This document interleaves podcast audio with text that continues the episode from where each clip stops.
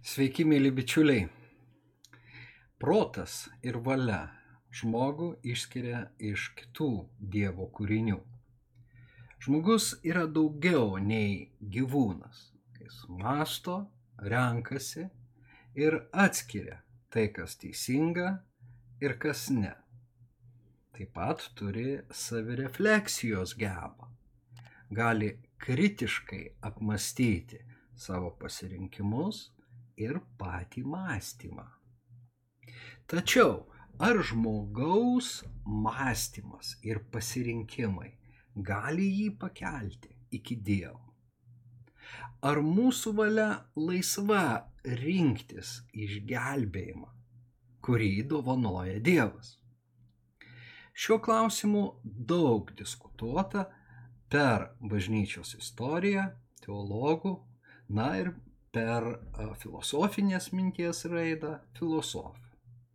Ir mes pažvelgsime į šį klausimą ir aš supažindinsiu jūs su polemika.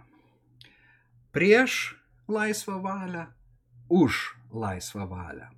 Žmogus gali rinktis ir žmogus be Dievo pagalbos niekaip nepasirinks išgelbėjimo. Na, čia labai supaprastintai. Šitos dvi pozicijos, šita antitezė ir iš jos kylanti polemika. Ir pradėkime nuo ketvirto amžiaus pabaigos, penkto amžiaus pradžios. Būtent tuo metu Romoje gyveno vienuolis Pelagijus, kuris dėstė, na, tai, kad žmogus turi dėti daug pastangų, įdant gyventų su Dievu ir jam patektų. Pelagijus perskaitė Augustino mintis kuris gyveno tuo pat metu, beje, jie gimė tais pačiais metais, 354 metais. Ir Augustinas savo raštuose a, apdainavo, galėčiau sakyti, žavėjosi nesuvokiamą Dievo malonę. Ir būtent tai užkliuvo Pelagijui. Ir Pelagijus nutarė uh, atsiliepti Augustinui. Nors iš tiesų uh, svarstoma, kuris ten pirmas perskaitė, ar Augustinas Pelagijaus uh, mintis, bet regis, uh, na, paskutiniai tyrimai uh, linksta link to, kad iš tiesų tai Pelagijus visų pirma perskaitęs pradėjo, na, polemizuoti su Augustinu. Ir jo apibendrintai požiūrio tašką galėtume, na, apibūdinti štai kaip. Kiekvienas žmogus turi laisvą valią, lygiai kaip Adomas ir Jėva. Tad šventumą galima pasiekti valios pastangomis. Dievas neįsakytų žmogui daryti gerą, jeigu žmogus neturėtų galimybės to padaryti. Dievas neprašo to, kas neįmanoma. Dievas negalėtų laikyti žmogaus atsakingu už prasižengimus, jeigu tas negalėtų neprasižengti. Dešimt Dievo įsakymų neturėtų prasmės, jeigu žmogus negalėtų jų įvykdyti.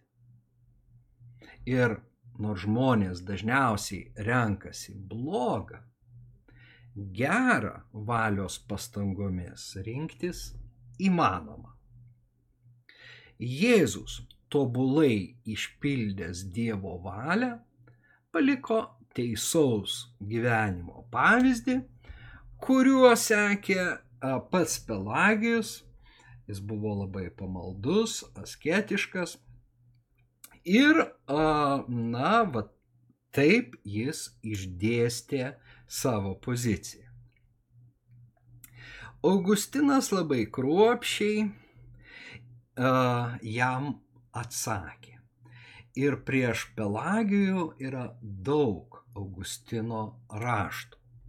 Iš tiesų labai išsamei uh, ir remdamasis raštu, Augustinas iš Hipo, taip jis dažnai vadinamas, nes tame mieste jis buvo konsekruotas kunigu Taigi e, jis atsakė Pelagijui ir einant laikui, būtent Augustino mintys, į kurias mes tuoj pažiūrėsime, įsitvirtino bažnyčioj, o pelagijizmas buvo pasmerktas kaip erezija.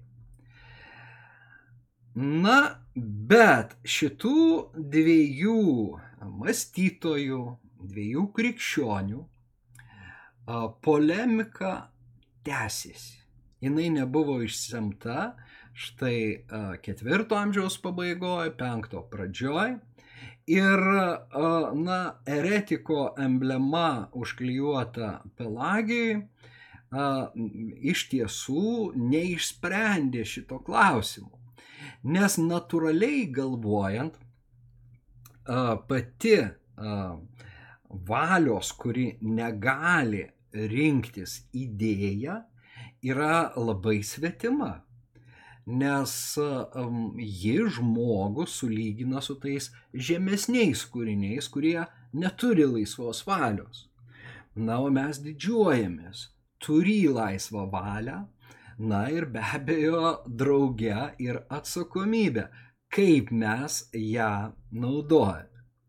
Tačiau Augustinui rūpėjo išganimas. Kokiu būdu Dievas išgelbsti žmogų.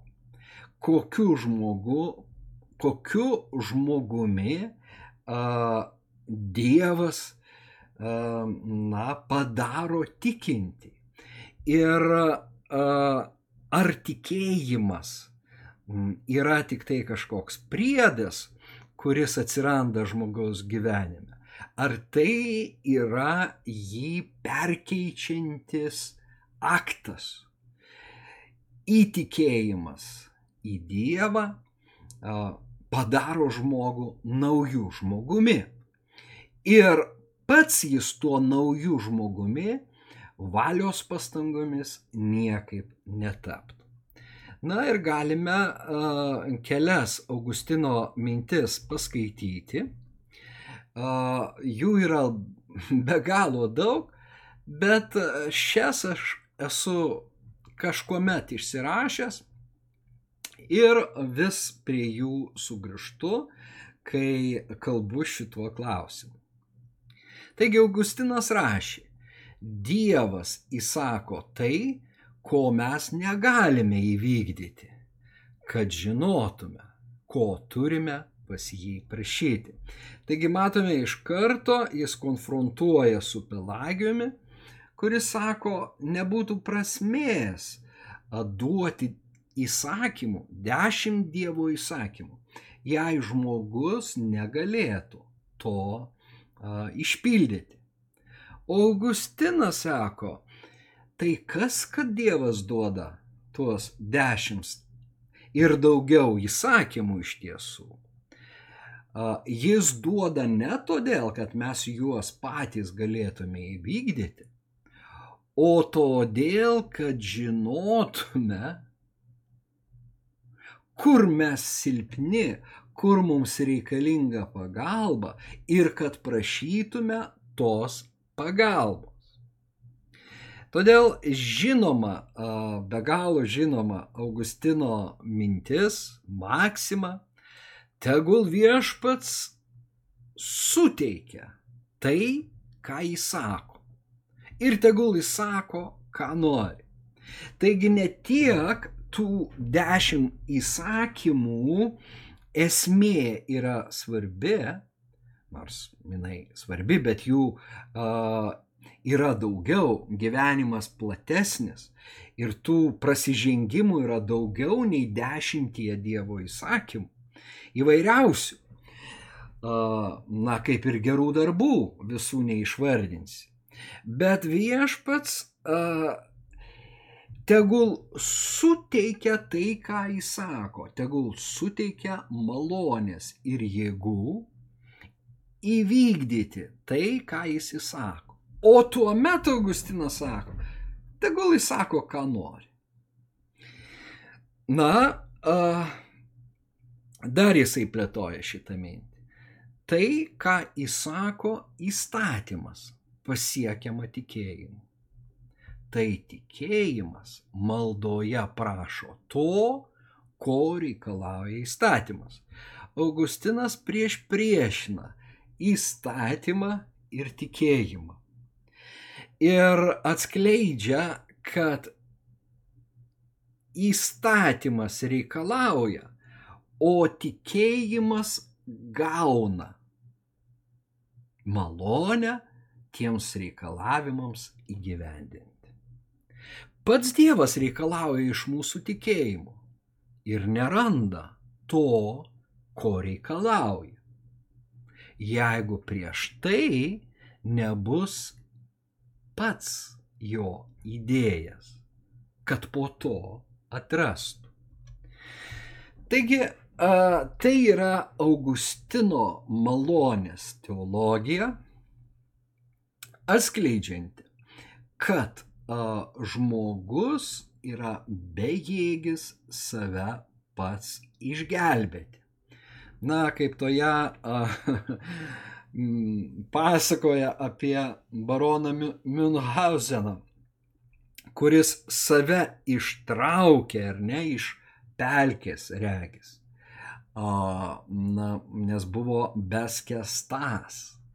Kad žmogus iš tiesų žmogaus pastangos save išgelbėti iš nuodėmės liūno yra panašios kaip Münchauseno, bet skirtingai nei ano iš tiesų taip neįvyksta, kad galėtum save ištraukti už pakarpos ir pastatyti ant tvirto kranto.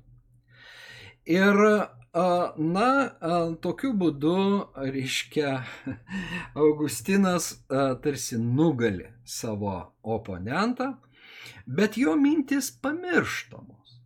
Ir iš tiesų viduramžiais, nors pelagėjizmas pasmerktas kaip erezija, jis ne tik kad vyrauja, bet natūraliai ima viršų ir um, palaipsniui yra vis labiau ir labiau pabrėžiami žmogaus darbai, uh, ne tik tai dėl Dievo, uh, ne tik tai dėl to, kad jis geba daryti gerą, bet ir darbai pelnant nuodėmio atleidimą, na, atgailos darbai, atgailos sakramento, na, įpareigojami įvairiausi mm,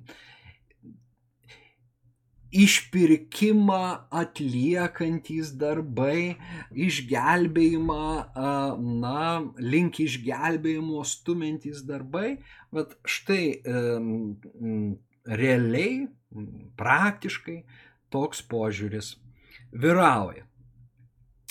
Ir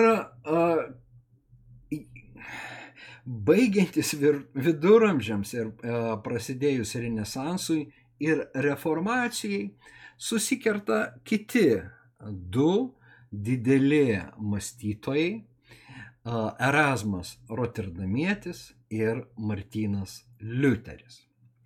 Ir Erasmas Rotterdamietis, didysis Europos humanistas, apie kurį aš esu nemažai pasakojęs laidose ir a, toje serijoje a, Liuterio takais, kai mes keliavome po Vokietijos a, miestus, vietas, kuriuose Liuteris paliko savo pėtsakus.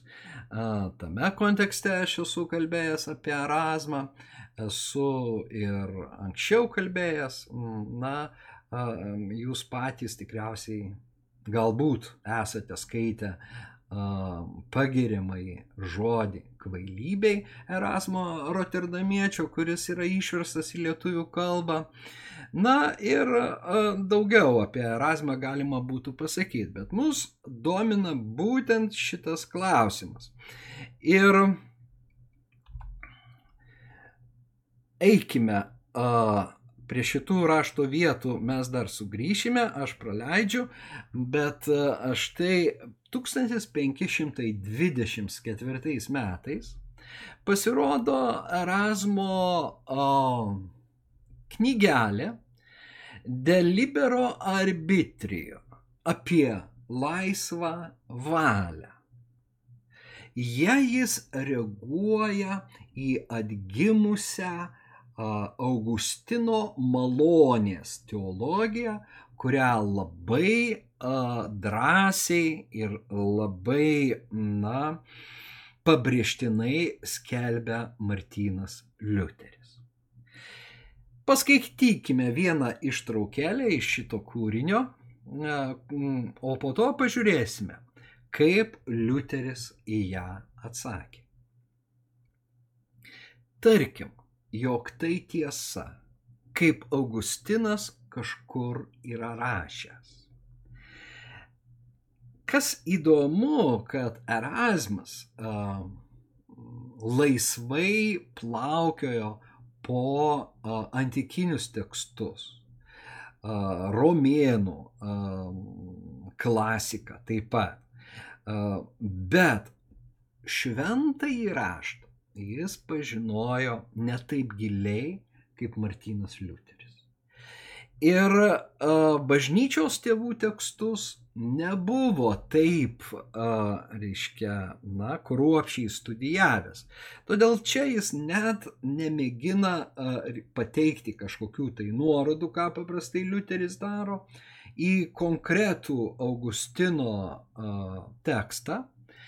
Bet sako, Augustinas kažkur yra rašęs, tarkim, jog tai tiesa, kad Dievas mus pastumė ir geram, ir blogam ir kad jis apdovanoja mūsų gerus darbus ir baudžia mus už blogus. Taigi žmogus, žmogaus gyvenimas yra determinuotas, apspręstas Dievo. Kaip Dievas palenkia žmogaus širdį, taip žmogus elgesi. Be abejo, Erasmas su tuo nesutinka Tačiau vardan poleminio argumento jis sako, daleiskime, tai yra tiesa. Bet kokia baisi spraga leidžianti pateisinti bedėvystę atsirastų daugelio galvose, jei vyrautų toks požiūris. Juk žmonės tingus, ištižę, pikti ir nepataisomai linkę bedieviškai prasižengti. Kas neramina Erasmą yra tai, kad malonės teologija, jog Dievas turi suteikti jėgų gyventi dėl jo, jog tai Dievas dovanoja išgelbėjimą, o ne pats žmogus jo siekia, kokia baisi spraga žmonių galvose, kurie ir taip savo prigimtimi yra tingus, ištižę, pikti ir bedieviai. Ar silpnieji testų savo nuolatinę ir sunkę kovą prieš savo pačių kūną. Na, stiprieji tokie kaip Erasmus, tokie dvasingi žmonės, be abejo, jie bet kuriuo atveju kryžiuos savo kūną, neleis savo nuodėmingai prigimčiai nugalėti, na ir gyvens šventai. Bet silpnieji, taigi iš karto pradės remtis šitomis idėjomis, kad Dievas teikia malonę ir jie liausis kovoja sunkia kova prieš savo pačių kūną. Ar koks nedoras žmogelis bandytų tuomet pataisyti savo elgesį, klausė Erasmas.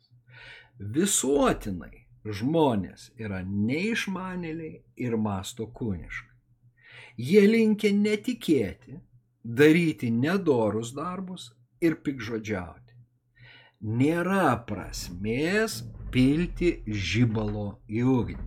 Taigi Martino Liuterio mokslas ir skelbiama Evangelija, kad išteisinimas yra Dievo dovana, suteikiama tik per tikėjimą, be jokių žmogaus pastangų, Erasmui yra per daug radikali ir žalinga. Tai yra tarsi žibalas ir taip jau liepsnojančią ugnį, nes žmogus bėga nuo Dievo, jis, jis renkasi blogą ir, na, jeigu dar skelbti tai, ką skelbė Liuteris, m, mes tik tai padėti padarysime dar blogesnę, na, padarysime žalą žmonėms. Todėl jokių būdų negalima pritarti Liuteriui.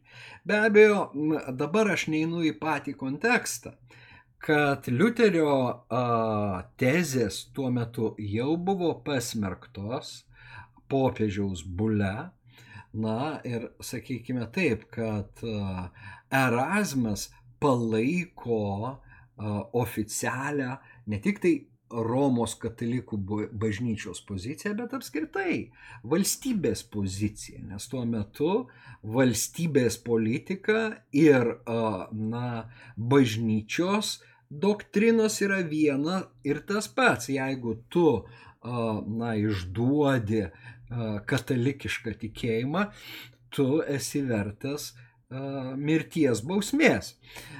Kas grėsė Martynui Liuteriui? Tu esi eliminuojamas iš visuomenės kaip eretikas, na ir um, nevertas gyventi, jeigu neatsižadėsi savo erezijos.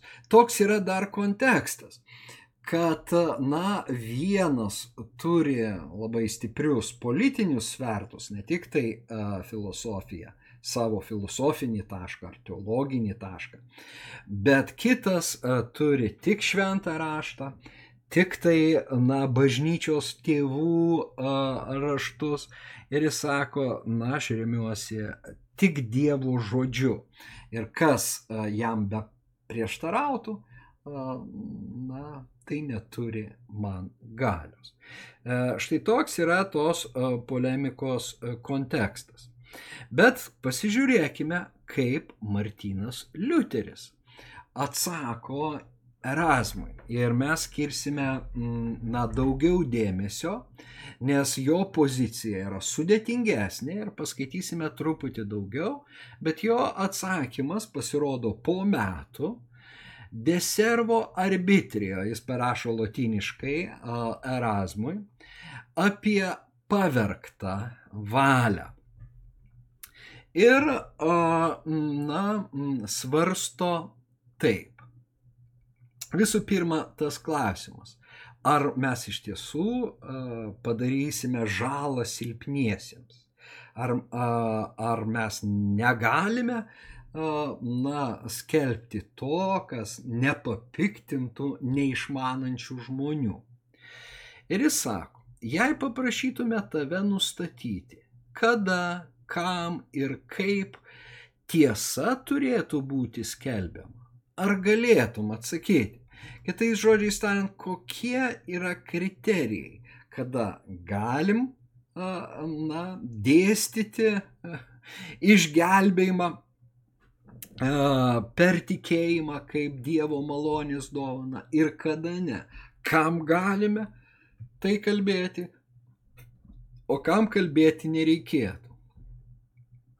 Ar tu atsakytum į tokį klausimą? Gal turi omenyje, kad tiesos reikia mokyti taip, kad popiežius neprieštarautų, Cezaris nenirštų, viskupai ir kunigaikščiai nenuliūstų. Dar daugiau, kad plačiajame pasaulyje nekiltų triukšmo ir samyšio, įdant daugelis nepasipiktintų ir nepasidarytų dar blogesni. Argi taip tiesos reikia mokyti? Na, Liuterio ironija yra be galo didelė ir jis iš tiesų pateikė daug ir pavyzdžių iš Naujojo testamento parodančių, kad Evangelija iššūkia pasipiktinimą ir apie tai dar skaitysime. Bet čia jisai sako, Kristaus Evangelija, kurios reikia visiems, neturi būti apribota jokia vieta ir laiku. Ji turi būti skelbiama vis, visiems, visuomet ir visur. Sakai, kad mūsų mokslas atvers duris nedorybei? Na, tas žybalas ugnį. Tebūnie. Šios tiesos skelbiamos dėl išrinktųjų, įdant jie būtų pažeminti, sumažinti tiek, kad jų visai neliktų ir tokiu būdu būtų išgelbėti. O likusieji priešinasi nusižeminimui. Jie pasmerkia mokslą apie savidesperaciją. Jie norėtų, kad bent kažkiek būtų palikta, ką jie patys galėtų padaryti. Slaptumoje jie pasilieka išdidžiais Dievo malonės priešais.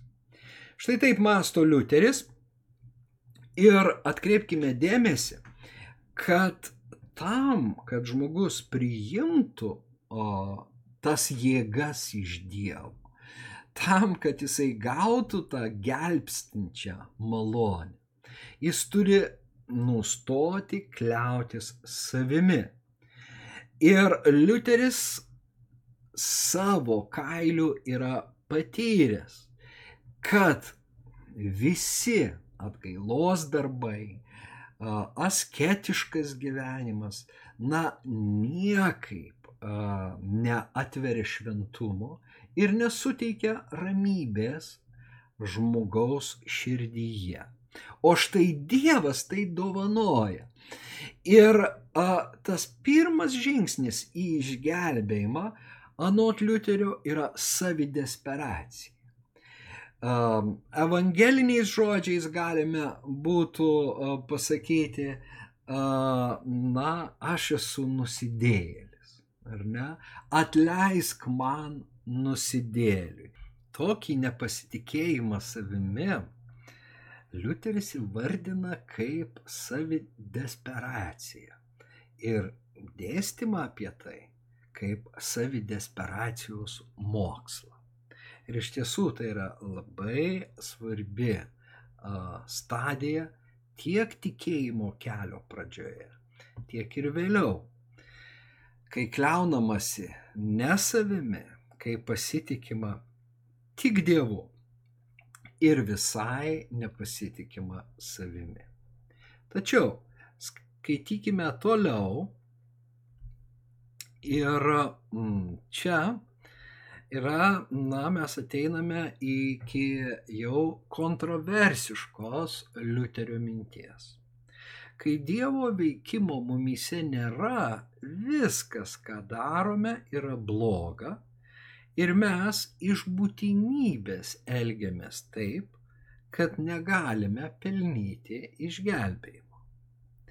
Nes jei ne mes patys, bet vien Dievas veikia mumise taip, kad suteiktų išgelbėjimą, išeitų, kad ką bedarytume, iki jis pradeda veikti, tai nepelnys mums išgelbėjimo. Turiu omenyje tai, kad žmogus neturintis Dievo dvasios daro blogą ne prieš savo valią, tarytum spaudžiamas, paimtas paimtas už kaklo ir palenktas tam. Bet jis tai daro spontaniškai ir noriai. Ir šio troškimo ir noro daryti blogą savo jėgą jis negali pažaboti, pašalinti ar pakeisti. Taip nebūtų, jeigu jis turėtų laisvą valią. Taigi, anot Liuterio žmogus neturi laisvos valios, bet yra a, nuodėmės pavergtas. Tačiau, su kuo aš nesutikčiau šitame svarstime, yra tai, kad žmogus neturintis Dievo dvasios ne tik, kad daro blogą, bet daro tai spontaniškai ir noriai. Ir to noro daryti blogą jis niekaip negali pažaboti. Aš parodysiu, kad apaštalas Paulius laiške romiečiams, būtent kalbėdamas apie žmogaus a, vergystę ir, a, na, vergystę nuodėmiai, rašo, jog žmogus nori daryti gerą, bet negali. Štai čia Liuteris a, nutolsta nuo Pauliaus, eina a, kelis žingsnius į priekį tvirtindamas, kad žmogus ne tik negali daryti gero, kas pelnytų jam išgelbėjimą, bet jis noriai daro blogą. Mes paskaitysime tą vietą iš Pauliaus šiek tiek vėliau, bet skaitykime toliau Martyną Liuterį. Kita vertus, kai Dievas veikia mumyse, valia veikiama saldžios Dievo dvasios yra pakeičiama.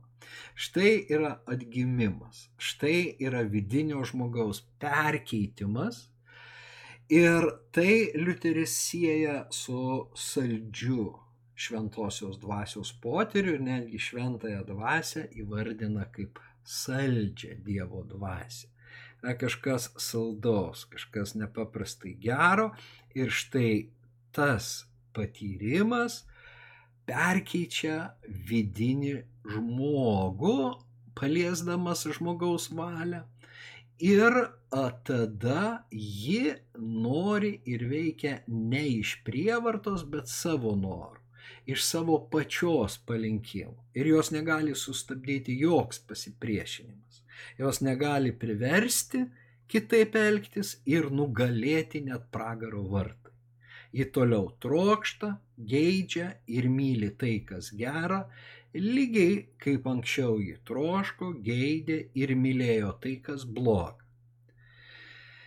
Na, čia irgi a, galime prieštarauti Liuteriui, kadangi a, skaitant Pauliaus laiškus, a, tampa aišku, kad ir tikintis žmogus gali linkti į blogą.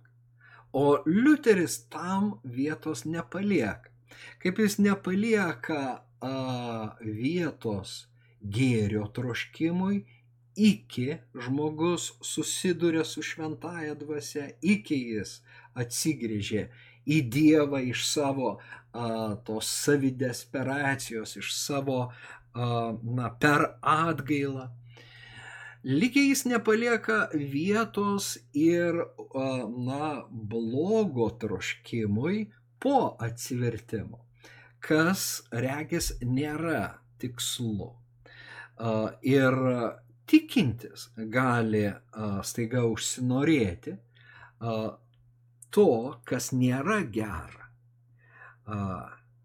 Ir, ir va, Čia aš nesutinku su Liuteriu, remdamasis vėlgi apaštalų Pauliumi, kuriuo, na, Liuteris ir seka, bet nuo jo nutolsta.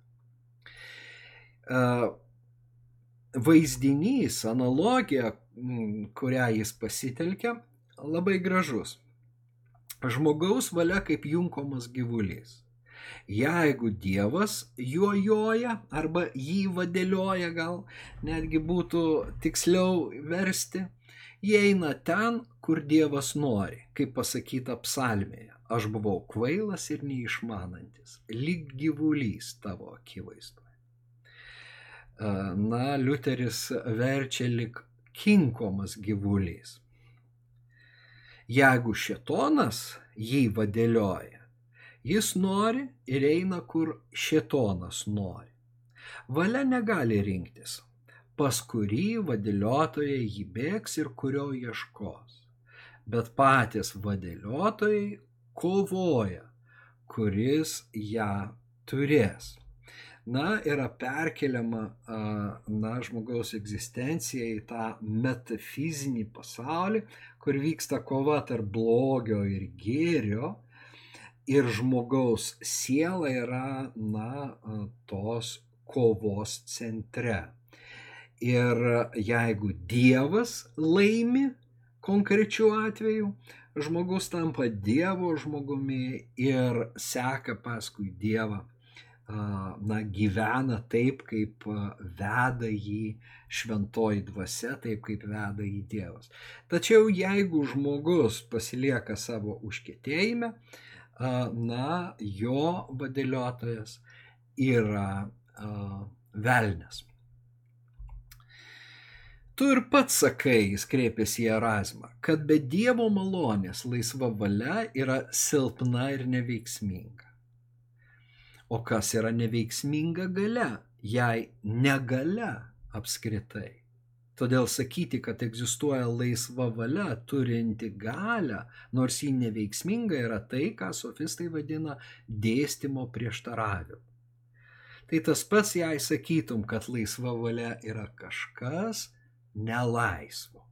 Na, šitoj vietoj jisai pasitelkdamas patį Erasmo dėstymą, manosi jį, na, na, sugriaunantis jo pagrindinę mintį.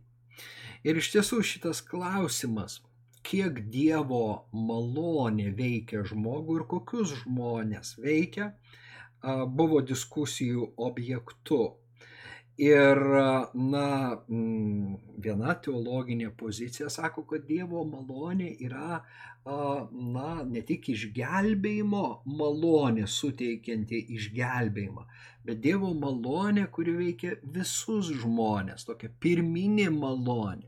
Ir būtent jos gale žmogus gali rinktis ir daryti gerą bet be malonės jis to padaryti negalėtų. Taigi vėl tai yra diskusijų klausimas, nors aišku, jeigu žiūrėti į paštalą Paulių, jis kalba apie gelbstinčią Dievo malonę, bet ne visai taip, kaip Martinas Liuteris. Na, bet kuriuo atveju, kaip mes matome, Liuteris tvirtai įrodinėja, kad žmogaus valia nėra laisva ir daro tai pakankamai įtikinamai ir tuos niuansus, į kuriuos aš atkreipiu dėmesį, yra nelengva pastebėti.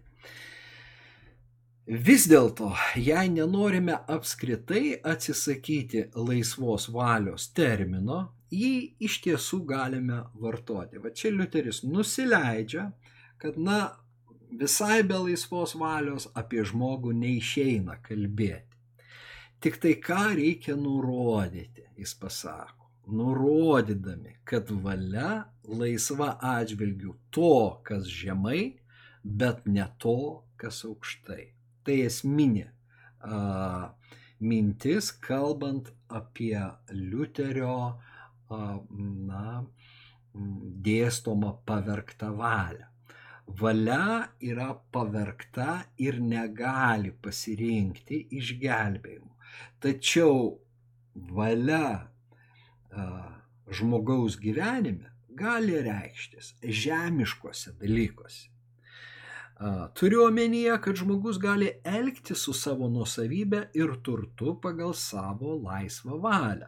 Tačiau Dievo atžvilgiu ir viso to, kas priklauso išgelbėjimui ir pražučiai, žmogus neturi laisvos e, valios, bet yra belaisvis, tarnas ir vergas arba Dievo, arba šetono valios.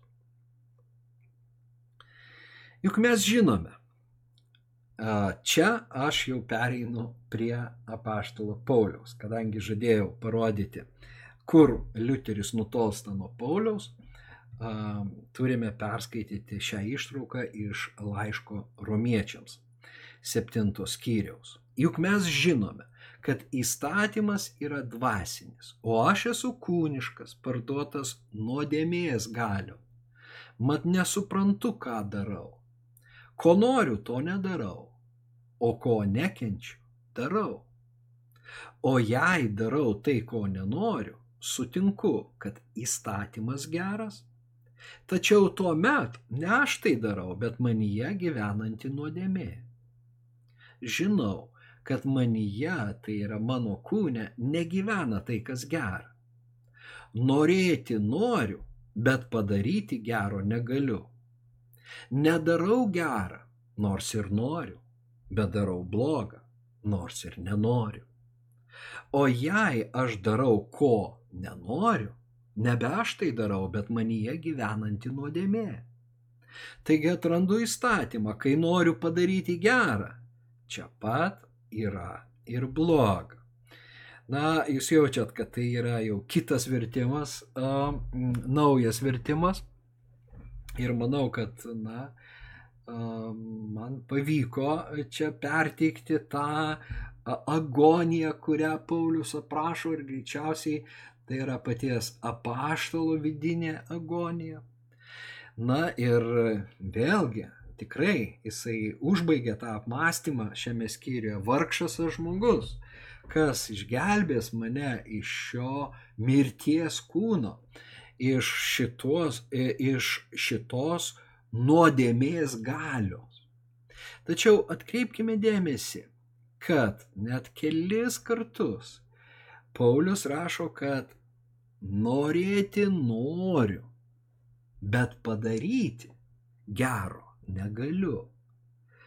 Ir, ir vėl, kad aš nenoriu blogo, bet darau. Bet tai nebe aš, o nuodėmė gyvenanti manyje.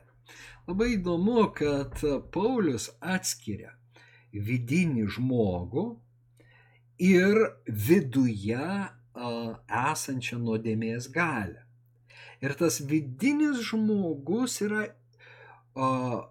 belaisvis nuodėmės galios, bet visgi jis nori to, kas gera. Ir todėl jis pripažįsta, kad tai, ko reikalauja dešimt Dievo įsakymų ir kiti Dievo įsakymai, yra gera yra dvasiška, įstatymas yra dvasinis. Ir įstatymas yra geras, pabrėžia Paulius. Tai, ką jisai įsako, yra teisinga, gera ir dvasiška. Problema, kad aš esu belaisvis ir to gera, ką norėčiau daryti, nepajėgiu, nes yra kita gale stipresnė už mane. Ir taip jau gaunasi, kad padarau blogą. Bloga yra čia pat. Tuo Paulius iš tiesų skiriasi uh, nuo Liuterio, nes jis mato, kad ir tikintis žmogus uh, gali padaryti blogą. Tai, na, vat čia aš manau, Liuterio teologija reikalauja tam tikros korekcijos. Ir galime sakyti, kad Erasmas tą korekciją atlieka. Tiesa, na, Liuterio neįtikina niekaip. Bet mes matome, kad, na, yra tarsi dvi viena kitai priešingos pozicijos, kurios niekaip tarpusavyje nedėra. Pelagijus ir Augustinas, Liuteris ir Erasmas. Na, vienas pabrėžia, reiškia, kad ne, žmogus gali daryti ir gerą, nes antraip, na, jis apskritai nebūtų žmogus. Bet kitas pabrėžia, kad išgelbėjimui gera, ne tik, kad nepakanka, bet Dievas neranda nieko gero, ką žmogus galėtų padaryti dėl savo paties išgelbėjimo. Taigi Liuterio pozicijoje, aš manau, esminis dalykas, kurį mes turim suprasti, yra soteriologija kad būtent išgelbėjimo soteryje atžvilgiu žmogaus valia yra bejėgi.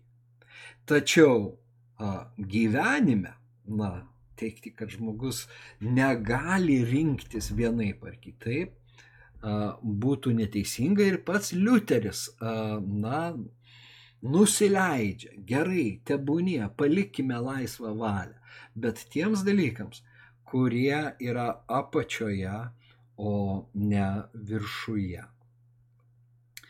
Na ir uh, mėgindamas uh, suderinti tai, kas nesuderinama, aš pasitelkiu tokią iliustraciją, kuri man pačiam labai padėjo išsiaiškinti, na, tai, apie ką mes kalbame. Galime būtų palyginti šios du požiūrius, tarkime, Augustino ir Liuterio iš vienos pusės ir Pelagijaus ir Erasmo Rotterdamiečio iš kitos, štai uh, figūroms, trikampiui ir apskritimui. Tai dvi visiškai nepanašios figūros ir niekaip nesuderinamos. Viena turi uh, aiškius kampus, smailius kampus, kita neturi nei vieno kampo, jinai yra apskrita. Ir, nu, akivaizdu, kad atstovaujantys vieną poziciją niekaip negali sutikti su kita pozicija.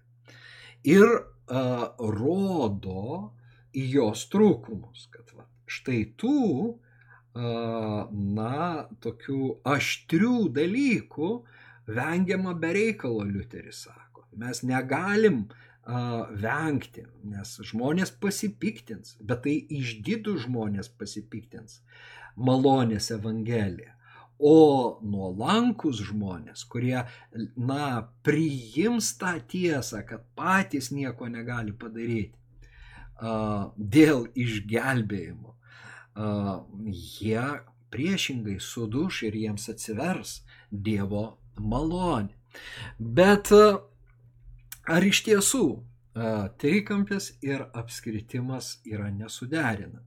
Štai sekantis skaidrė parodo, kad taip nėra. Kūgis turi ir a, apskritimą, ir trikampį, ir tai yra viena figūra. Ir aš manau, kad iš tiesų, na, filosofijoje yra tas tezė, antitezė ir sintezė. Dialektinis mąstymas priema tezę, išklauso antitezę, na ir žiūri, kaip atrasti sintezę, kaip jos koreliuoja viena su kita. Taigi tas pliusas ir minusas, trikampis ir a, apskritimas iš perspektyvos yra tikrai suderinami. Ir mums gyvenantiems 21 amžiaus pradžioje nebereikia grįžti į tas polemikas, kurios nepalikdavo oponentui vietos. Nes pačiame šventajame rašte, pačioje Evangelijoje yra ta įtampa, yra tie skirtingi poliai, kur kalbama ir apie Dievo malonę, ir apie žmogaus pasirinkimus. Na, tų vietų apie Dievo malonę aš e, neskaičiau, bet iš tiesų galime uh, prie jų sugrįžti ir uh, paskaityti.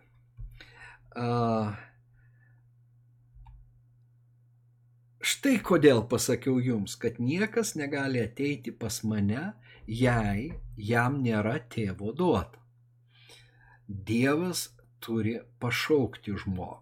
Be to pašaukimo niekas negali ateiti pas Jėzų. Ir Jėzus tai kalba uh, tuo met, kai daugelis jį paliko. Ir pasipiktino jo žodžiais, sakydami, kad kieti šitie žodžiai, kas gali jų klausytis. Jėzus daro išvadą, kad nebuvo šitie žmonės dar Dievo pašaukti. Galbūt vėliau jie bus pašaukti, bet būtina, kad tėvas duotų žmogui ateiti pas Kristų. Ir toliau, aš esu vynmedis, o jūs šakos, kas pasilieka manyje, kaip ir aš jame, tas duoda daug vaisių, o be manęs jūs nieko negalite padaryti.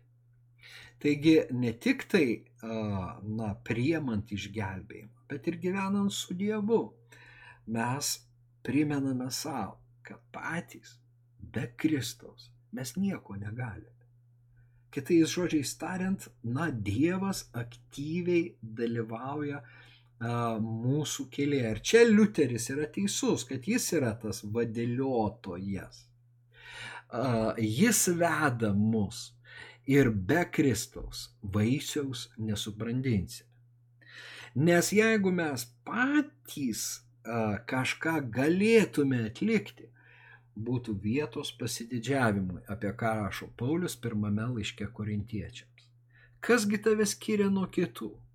Ką turi, ko nesi gavęs, o jei esi gavęs, ko giriesi, tarsi nebūtum gavęs. Tai, ką mes turime, yra ne mūsų, bet Dievo.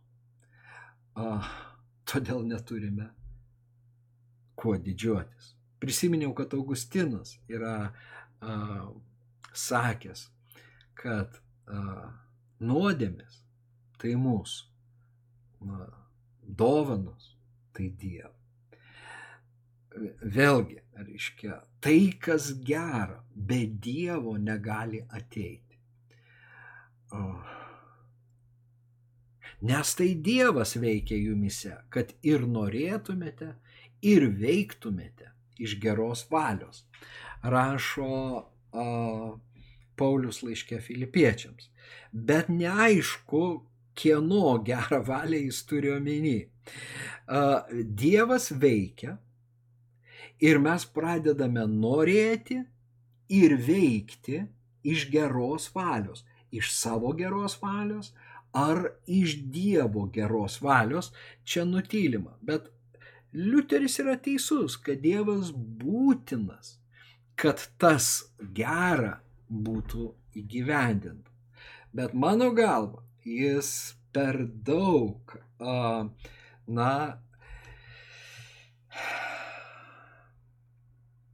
nuvertina savo oponentą Erasmą, bet tam yra priežasčių na, objektyvių priežasčių, nes Erasmas turi tuos ir politinius svertus.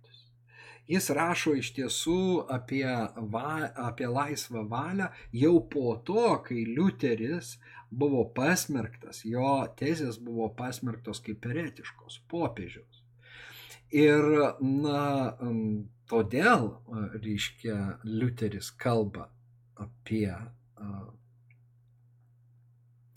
tai, kad tik raštu remiantis, ne žmogiška gale, ne žmogiškos valdžios svertais galime atrasti tiesą. Bet mums jau žiūrint iš tolimesnės perspektyvos ir gilinantis į tai, ką vienas ir kitas nori pasakyti, tas tiesos sėklas galime atrasti ir Erasmo na, knygoje apie laisvą valią, ir Liuterio atsakymę apie valios vergystę. Štai šiuo keliu aš raginu, na, eiti mus, nebegrįžti atgal, bet žiūrėti, na, žinoti visų pirma, šioje laidoje aš supažindinau jūs su šitom dviem skirtingom teologiniam pozicijom. Ir manau, kad kiekvienas gali pasisemti.